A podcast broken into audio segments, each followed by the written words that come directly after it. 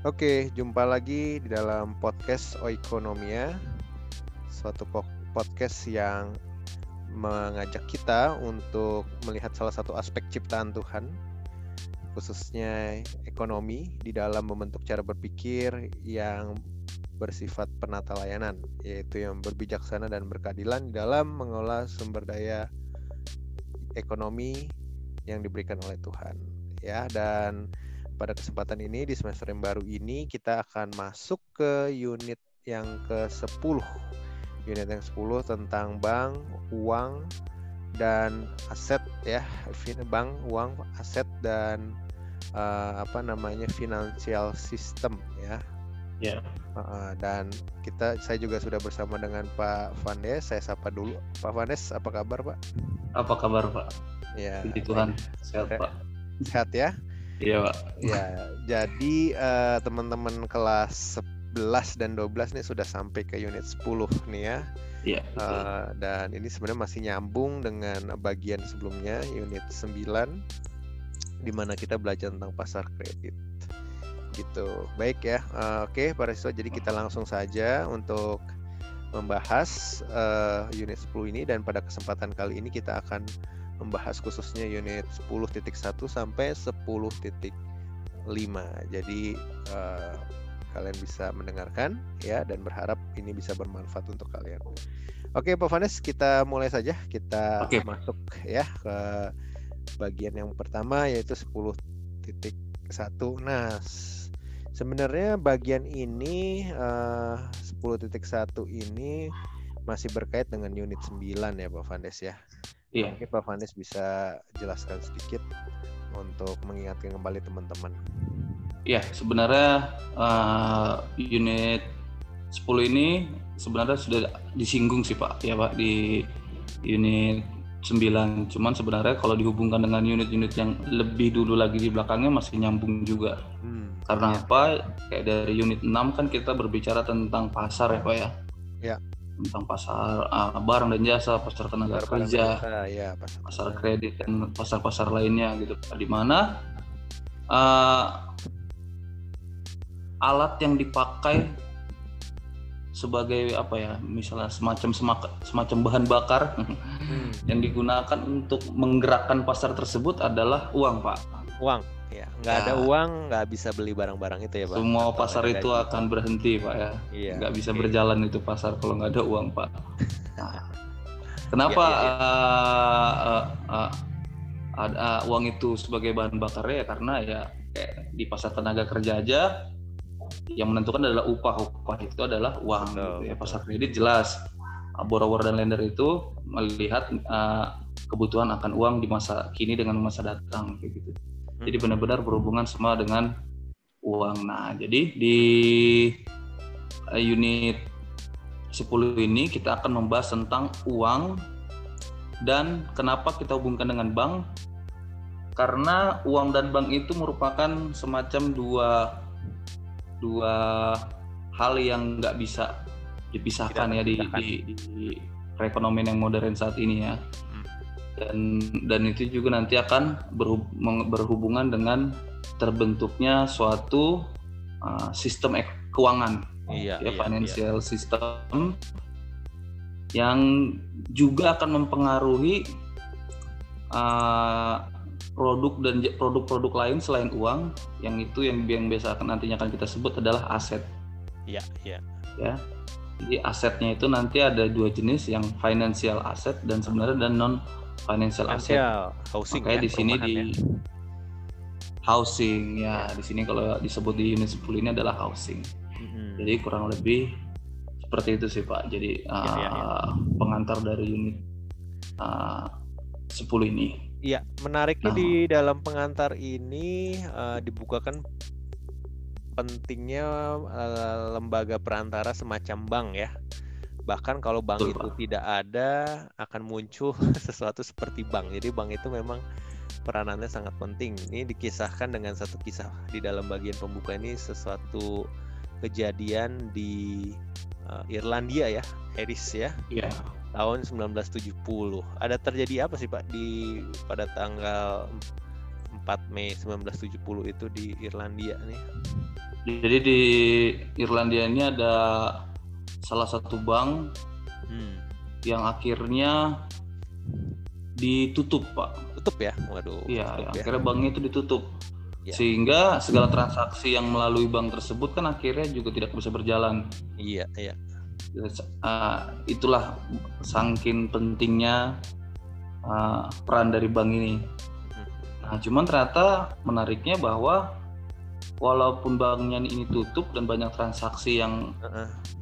akhirnya gagal untuk dilakukan atau mungkin banyak banyak transaksi yang harusnya dilakukan tapi tidak terjadi. Tapi ternyata terhadap perekonomian tidak begitu berpengaruh. Perekonomian di Irlandia ini tetap berjalan biasa-biasa aja. Karena di situ ada mungkin ini masuk ke ranah institusi ya ada norma-norma uh, yang menunjukkan bahwa masyarakat di situ mm-hmm. itu memiliki tingkat kepercayaan yang tinggi terhadap orang lain mm. dalam hal uh, pinjam meminjam gitu pak. Iya, yang menariknya pinjam meminjam ini justru terjadi di pub ya. ya. Pub itu di semacam apa namanya uh, kalau di sana semacam bar ya pak ya bar tempat kedai minum ya minum ya tempat minuman lah. kopi. Warung kopi di sini. Iya menarik sekali ya. Di sana ya. tempat pertemuan berelasi ya di pub itu. Justru di sana hmm. sebagai pengganti bank ya pub itu ya di sana ya. Ya saat itu karena itu masih tahun sekitar tahun karena tahun 1970 kali pak ya. Iya iya. Sebelum begitu modern. Oke sip. Jadi udah dapat gambarannya itu pengantar. Nah sekarang kita beralih ke 10.2 ya Pak. Iya. Di dalam 10.2 ini dibahas tentang aset, uang, bank, dan financial system. Wah, sepertinya panjang sekali nih. Tapi kira-kira mungkin Pak Vanes bisa bercerita sedikit ada apa sih di dalam uh, subunit ini Pak 10.2? Nah, jadi di 10.2 ini kita uh, diperkenalkan dengan uh, istilah-istilahnya dulu kali Pak ya. Iya, Pertama ya, ya, ya. adalah istilah uh, tentang asetnya itu bagaimana aset dan hubungannya dengan uang, hubungannya dengan bank sehingga membentuk suatu financial system itu dipengaruhi oleh apa-apa aja sih. Hmm. Ya, atau semacam uh, pengertiannya dari aset, uang, bank dan financial system ini. Nah, yang pertama adalah kita melihat dari aktornya. Hmm. Jadi nanti di di 10.2 ini akan menjelaskan tentang aktornya, kemudian adalah pasarnya, dan terakhir adalah financial asetnya. Hmm. Ya. Okay. Jadi seperti yang kita sudah singgung juga tadi di awal, aktornya itu ya tentunya adalah bank. Ya, aktor utama di uh, financial system ini adalah bank. Dan di sini disebutkan juga bank dan lembaga keuangan lain. Semacam itulah kalau yang biasa kita dengar di Indonesia ya Pak ya. Kalau misalnya iya, kita dengar iya. di berita tuh LKNB uh, lembaga keuangan bank dan non bank iya, pokoknya iya, betul. Uh, yang berhubungan dengan uh, keuangan. Nah itu yang menjadi aktor utamanya. Walaupun tetap rumah tangga individu perusahaan pabrik dan lain-lain juga punya punya peran Pak ya ya kalau nggak ada mereka ya bank juga dan lembaga keuangan ini ngolah uangnya siapa gitu ya hmm. Iya iya iya. Tetap butuh itu. Cuman sebenarnya tetap aktor utamanya di sini pengen kita lihat adalah yang memegang peranan penting adalah si bank ini, Pak ya. Mm-hmm. Nah, ya. hubungannya uh, dengan pasar apa tuh, Pak? Pasar dan satu lagi tadi ada finansial ya, finansial, finansial aset. Uh, aset. Mm-hmm. Nah, ya kemudian uh, pasarnya ini yang berhubungan dengan yang berhubungan dengan aktivitas keuangan ini apa aja sih? Nah, di sini ada beberapa jenis pak. Hmm. Ya, di sini ada money market, pasar uang, stock market, pasar saham, hmm. housing market. Hmm. Uh, itu artinya semacam pasar uh, apa ya kalau istilahnya tuh saya lupa tuh pak.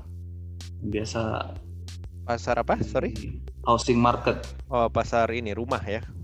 Iya uh, kayak semacam pasar properti lah pak ya, ya gitu properti, ya, betul. Nah ya. ya yang yang kalau di TV mungkin yang sering kita dengar nanti hari Senin naik harga, hari Senin naik harga, kan beli sekarang juga gitu. Iya, ya iya, kan, iya. kalau enggak perumahan-perumahan, nih kalau kita ngeliat di baliho-baliho, nah itu Iya, iya. housing market, ya. Iya. Terus kemudian eh, yang terakhir adalah financial market. Heeh. Ya, financial financial market itu itu mungkin seperti ah, mungkin anak-anak nih belum jarang dengar nih Pak tentang obligasi ya. Iya, Obligasi, obligasi, dari eh, dan produk-produk derivatif. ya, obligasi bisa dari pemerintah, bisa dari perusahaan. Hmm. macam itu dan turunan-turunannya. Iya. Jadi ternyata semuanya itu adalah eh, punya pasar-pasar tersendiri yang di mana pasar-pasar tersebut adalah pasar-pasar keuangan. Iya, iya. ya dan yang terakhir adalah Financial asset. financial asset Mm-mm. yang di mana adalah financial asset itu adalah ya uang itu uang itu Hmm. sendiri Mm-mm, mm-mm. Ya uang itu adalah aset sendiri jadi eh, kayak tadi produk-produk eh, saham produk-produk eh, apa namanya obligasi dan lain-lain itu itu ya merupakan aset finansial aset keuangan gitu pak ya Mm-mm.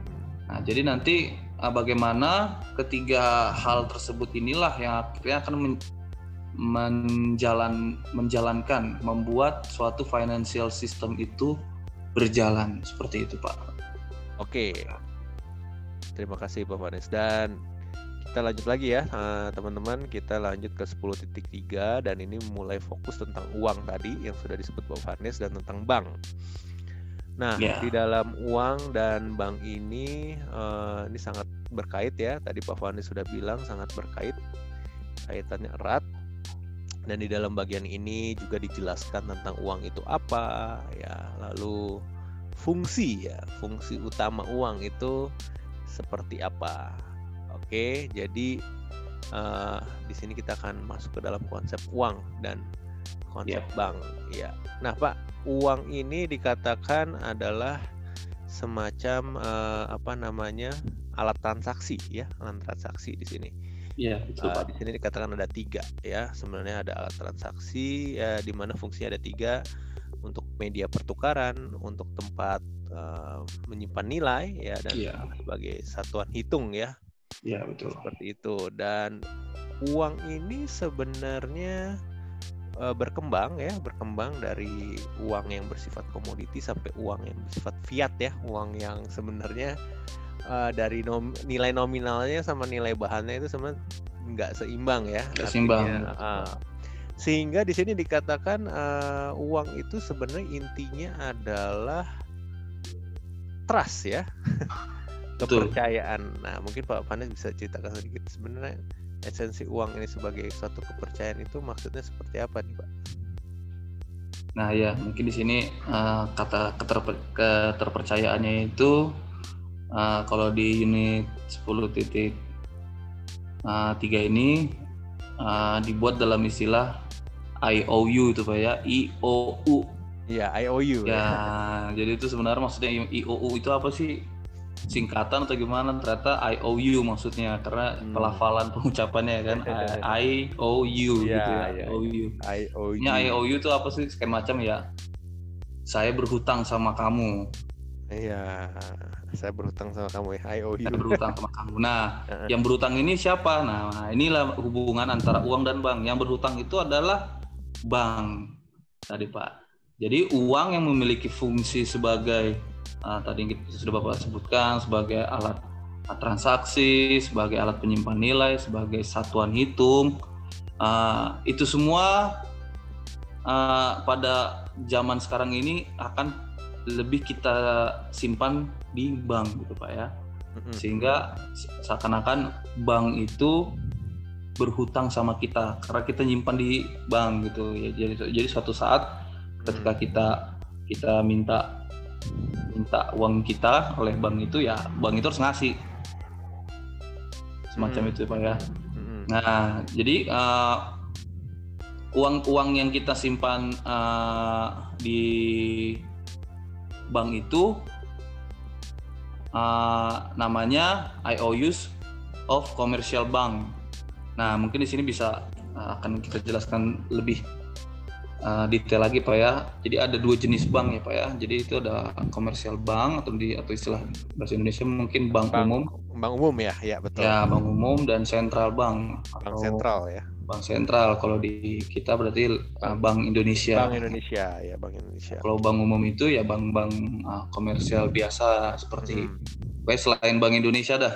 Hmm. Ya, bank bank ada BUMN juga, ada yang non BUMN ya kayak bank kalau BUMN itu adalah mungkin bank BRI, BNI, Mandiri. Hmm. Kalau yang non BUMN itu ada BCA, CMB gitu Pak ya. Nah, itu semua bagian dari komersial bank. Ya komersial bank itu tugasnya apa sih?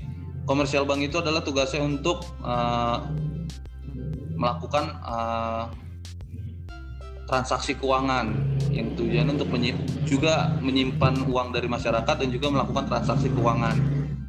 Jadi kalau untuk melakukan aktivitas-aktivitas keuangan biasanya kita uh, melakukannya itu biasanya melalui bank-bank komersial ini ya Pak ya.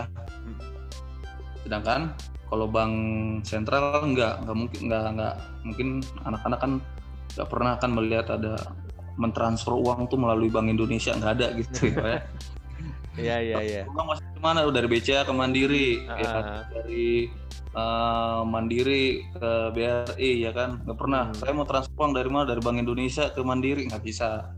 Nggak ada hmm. itu. Makanya itu lebih transaksi keuangan itu lebih dilakukan tugasnya oleh si komersial bank ini. Makanya bilang bank komersial. Kalau si central bank ini adalah kalau di unit 10 ini diistilahkan dengan yang menyalurkan base money gitu Pak ya hmm. atau semacam uang.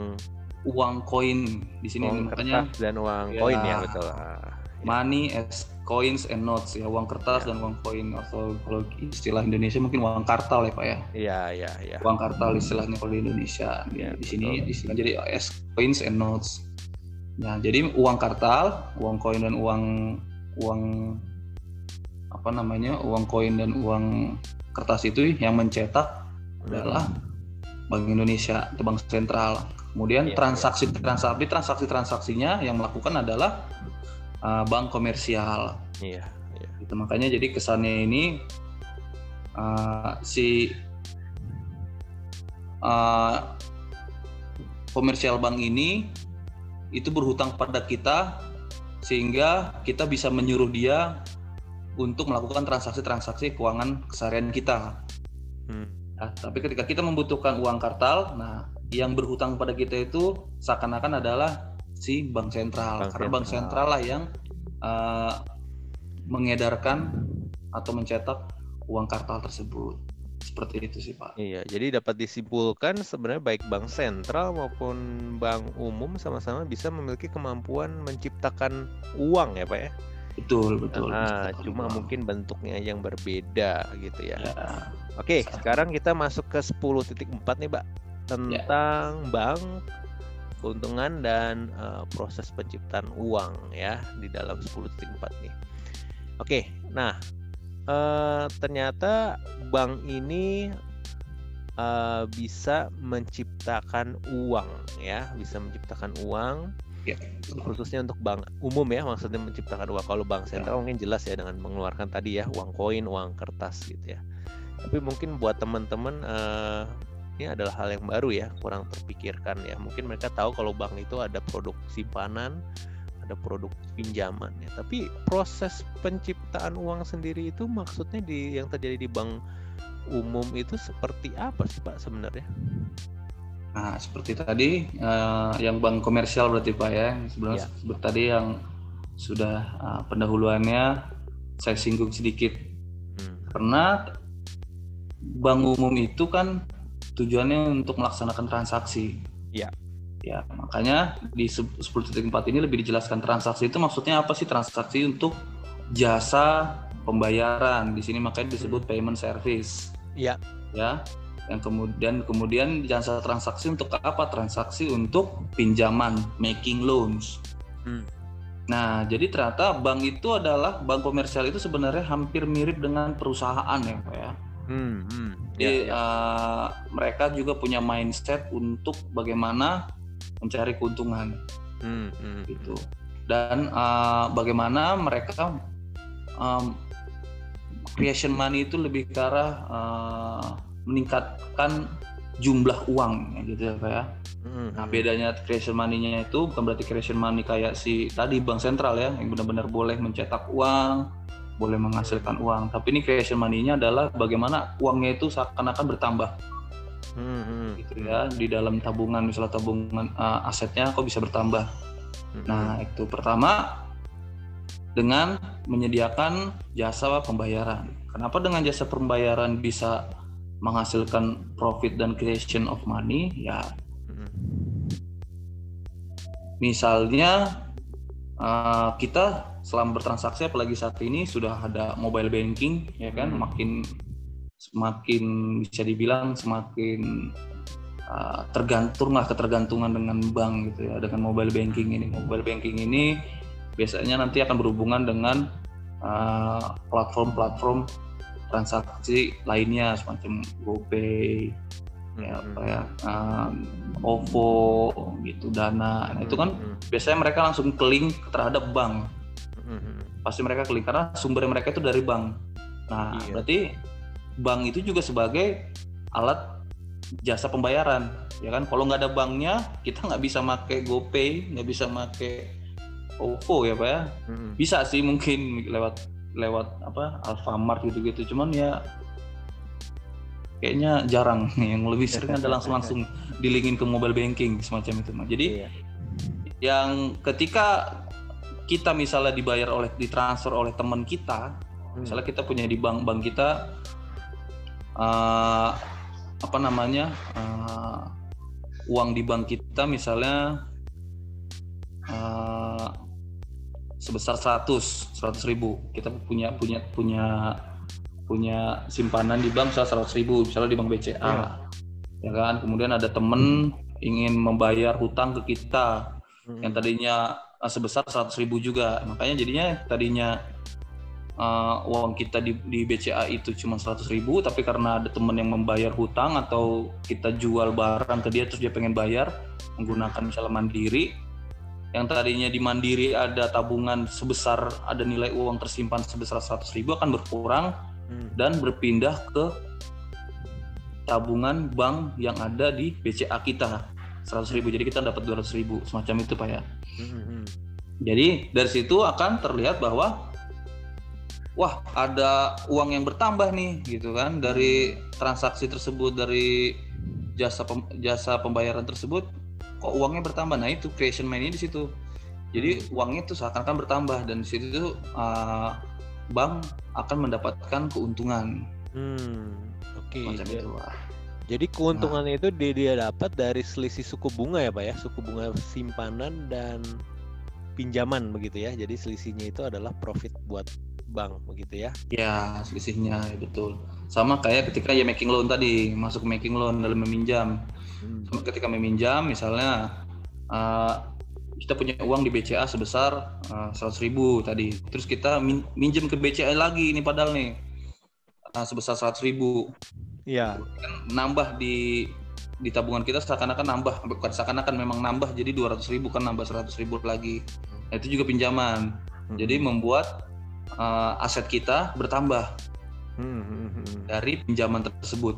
Hmm. jadi dari pembayaran aktivitas pembayaran kita ber bisa bertambah uangnya dari pinjaman kita juga bisa bertambah uangnya semacam itu. Nah kemudian dari mana uh, itu creation money-nya, creation money-nya. Nah kemudian dari mana bank itu mendapatkan keuntungan lagi? Itu tadi yang seperti bapak sebut tadi misalnya ada ketika kita meminjam ketika kita meminjam uang tersebut dari bank, bank hmm. itu biasanya akan uh, menyertakan bunganya misalnya minjamnya 100 ribu bunganya berapa? 10 persen. Oh, berarti nanti dikembalikan sebesar 110 ribu. Ada bunganya nah ya. berarti kan ada tambahan 10 ribu. Nah 10 ribu itulah profit yang nanti akan diterima oleh bank. Dan pasti suku bunga pinjaman tuh pasti di atas suku bunga simpanan gitu ya Pak ya? Untuk supaya Betul, Pak. mendapatkan keuntungan ya Betul pak, ya di situ di situ untuk menutupi tadi IOU-nya si komersial bank kepada si penyimpan. Kan misalnya uh, suku bunganya itu kan berarti kan bank yang nanti akan membayar ke si peminjam. Makanya ketika bank meminjamkan uang ke uh, orang lain, nah dia akan membuat suku bunga pinjaman itu lebih besar dari suku bunga simpanan. Betul. Biar dia tetap dia tetap dapat untung. Seperti itu, Pak. Oke, tapi, jadi seja, ah, ya di sini juga tapi dijelaskan Pak. Nah, sistem transaksi ini semacam ini juga hmm. membuat bank akan uh, menghadapi risiko oh, namanya. Risiko, ya, ya. Ya, namanya kalau di sini dibilang liquidity risk. Hmm. Risiko likuiditas. Hmm. Apa itu, Pak? Likuiditas itu maksudnya adalah misalnya uh, uh, ada orang uh, nasabah di bank tersebut tiba-tiba secara bersamaan ingin mencairkan semua uangnya pak. Oh. Nah, sedangkan kan uangnya Ber, tadi itu kan berduyun-duyun ke bank nih Pak ya. Iya, tiba-tiba okay. misalnya ada bencana apa gitu atau ada ada menarik simpanannya semua ya. Iya, semua menarik simpanan ke bank. Nah, bank di situ tentunya akan menghadapi resiko likuiditas. Likuiditas likuiditas itu kan liquid dari kata liquid hmm. pak ya cair ya. Yeah. Resiko untuk mencairkannya itu uh, mampu gitu pak ya. Iya yeah, iya yeah, iya. Yeah. Karena ya gimana ternyata kurang, uangnya ya? lagi dipakai nih. Kan hmm. Kan uang yang dipinjamkan kan dari uang yang disimpan gitu pak ya. Iya yeah, iya. Yeah. Nah kan itu yang dipakai oleh bank untuk iya. menghasilkan keuntungan oleh mereka. Tapi ternyata tiba-tiba wah pada ngambil semua nih Iya iya iya. Nah di situ bank bisa mengalami di sini istilahnya tuh bank run ya. Hmm. Atau mungkin bank run kita ya? uh, kalau mungkin bahasa lebih ringannya adalah mungkin bangkrut gitu ya bisa menghadapi bangkrut. Ya ya ya ya. Itu. Jadi Karena, memang uh, ya. sejauh ini memang bank itu berarti satu institusi yang resikonya sangat besar ya pak ya? Dengan adanya risiko-risiko ini gitu ya. Iya betul pak. Makanya di situlah perlu ada manajemen yang baik ya, dari ya, sebuah ya. bank. Bagaimana uh, ketika mereka menyimpan uang dan ketika mereka uh, meminjamkan uangnya, jadi menjalankan transaksinya itu harus uh, benar-benar hati-hati, memiliki perhitungan yang detail lah, perhitungan yang baik semacam itu pak. Oke, sip. Thank you, Pak. Penjelasannya jelas ya. Nah, kita masuk ke bagian terakhir untuk episode ini, Pak, yaitu tentang bank sentral, ya, bank dan tentang suku bunga, ya. Yeah. Nah, ternyata bank dan bank sentral, bank umum ya dan bank sentral itu saling berkait ya, khususnya yeah. dalam masalah uh, suku bunga nih ya, interest rate ya gitu seperti itu. Nah mungkin uh, bisa dijelaskan Pak, ini kait mengkaitnya seperti apa nih Pak, bank sentral, bank dan suku bunga ini. Silahkan Pak.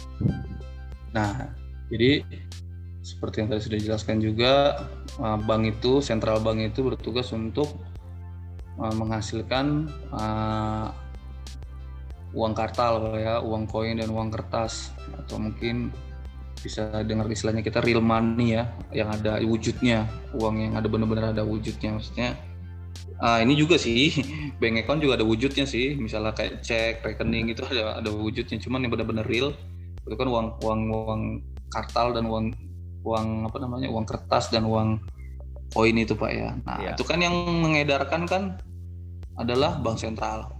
Ya, dan iya, sebenarnya ya, ya, itu adalah base money-nya Bis money betul. Ya, ya jadi itu, itu sebenarnya uh, uang yang nantinya akan digunakan oleh bank komersial, bank umum dalam melaksanakan transaksinya. Nah, jadi semacam modalnya tuh dari si bank sentral hmm. yang mengucurkan modal. Nih, ini uang yang yang harus kalian gelontorkan, yang harus kalian uh, istilahnya tuh kalian manfaatkan, kalian putarkan itu adalah uang ini gitu. Hmm, hmm, hmm. Berapa banyaknya itu ya bank sentral yang menentukan. I see. Nah, ya, ya, ya. Makanya karena bank sentral yang menentukan jumlah uang beredar istilahnya, hmm. maka bank sentral juga yang memiliki uh, kekuasaan untuk menentukan suku bunga. Hmm, oke. Okay. Gitu. Jadi biar Jadi wewenangnya uh, di bank sentral nih Pak ya menentukan suku bunga ini ya. Jadi ya jadi uh, misalnya bank sentral ingin wah perekonomiannya uh, apa namanya? sangat lambat nih kayak seperti sekarang nih kondisi zaman saat ini perekonomiannya sangat lambat Nah, uang yang digelontorkan akan semakin banyak. Kenapa uang di, yang digelontorkan semakin banyak? Ya agar transaksi bisa semakin banyak juga. Gitu. Nah, untuk uang yang digelontorkan semakin banyak itu, nah transaksinya juga semakin banyak, apa yang harus dilakukan? Suku bunganya diturunin. Nah, karena kalau suku bunga diturunin, kemungkinan besar berarti kan jumlah orang untuk uh,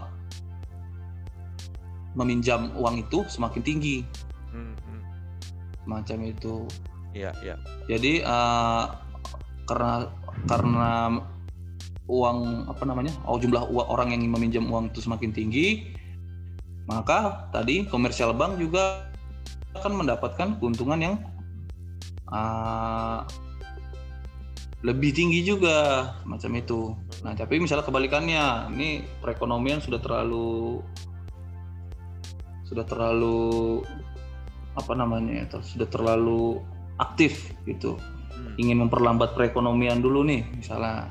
Berarti peredaran uangnya di uh, diperlambat peredaran uangnya diperkecil oleh bank sentral. Maka untuk memperkecil peredaran uang maka bank sentral akan meningkat. Hmm. ya. Halo Pak Vanes bisa dengar? Oke, ya jadi uh, tadi Pak Vanes menjelaskan bahwa bank sentral itu berfungsi sebagai regulator ya, mengatur ya. Jadi dengan uh, kebijakan untuk menentukan suku bunga ini menjadi acuan dari bank-bank umum menentukan suku bunga mereka, khususnya juga dalam suku bunga pinjaman ya itu yang menjadi uh, poin di dalam 10.5 Nah, oke okay, teman-teman untuk episode yang pertama ini sudah selesai. Uh, jadi nanti di dalam episode selanjutnya kita akan lanjutkan bagian 10.6 sampai 10.10 ya. Semoga hal ini bermanfaat untuk menolong kalian mulai membaca lebih detail dan rinci buku SPP. Oke, nanti kalau ada pertanyaan-pertanyaan bisa ditanyakan di dalam kelas. Terima kasih untuk partisipasi sudah mendengarkan podcast ini. Kita jumpa lagi di kesempatan yang berikutnya ya. Sampai jumpa.